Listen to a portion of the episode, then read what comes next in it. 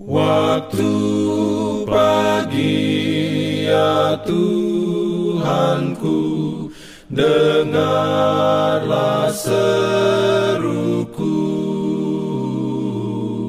Melayang doa yang sungguh Memandang padamu. Selamat pagi pendengar Radio Advent Suara Pengharapan Mari mendengarkan suara Tuhan melalui tulisan pena inspirasi Agama yang bersinar.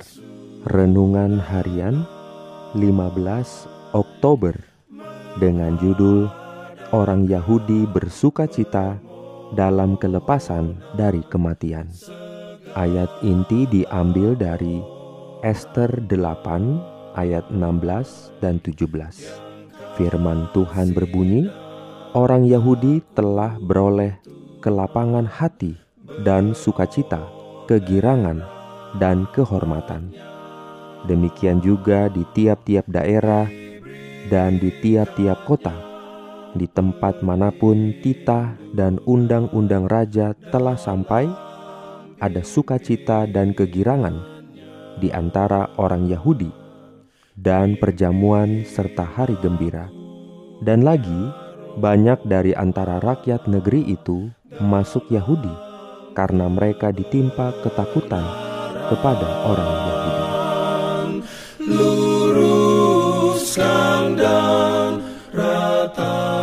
Urayanya sebagai berikut. Darius Histaspes yang di bawah pemerintahannya orang-orang Yahudi telah mendapatkan perlakuan yang baik telah diganti oleh Artasasta Agung. Selama pemerintahannya lah, orang-orang Yahudi yang tidak menghiraukan pekabaran supaya melarikan diri telah terpaksa menghadapi krisis yang mengerikan. Oleh karena tidak mau memanfaatkan jalan kelepasan yang disediakan Allah, kini mereka harus berhadapan muka dengan muka dengan kematian.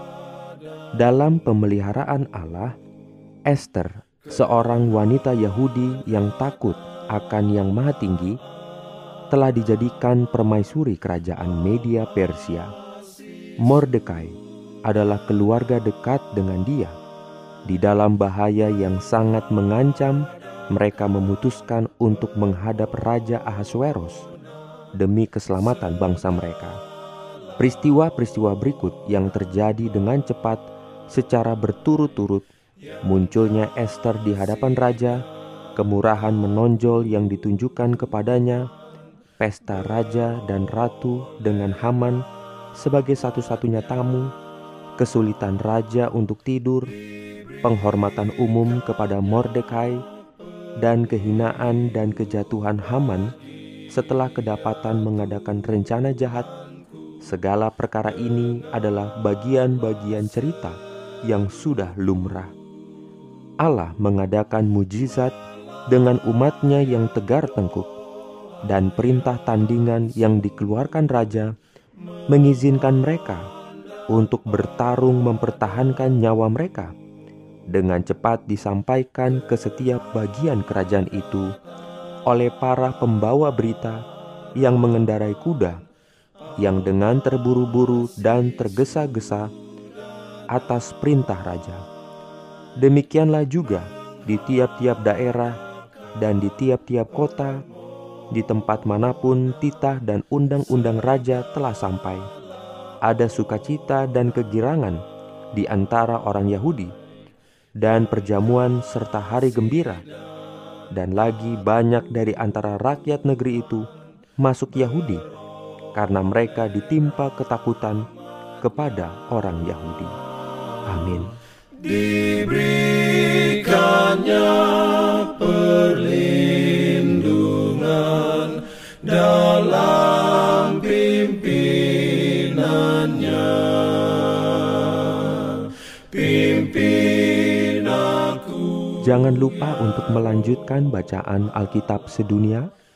Percayalah kepada nabi-nabinya yang untuk hari ini melanjutkan dari buku Amsal pasal 12. Selamat beraktivitas hari ini.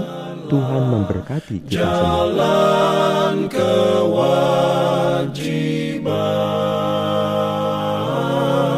jalan.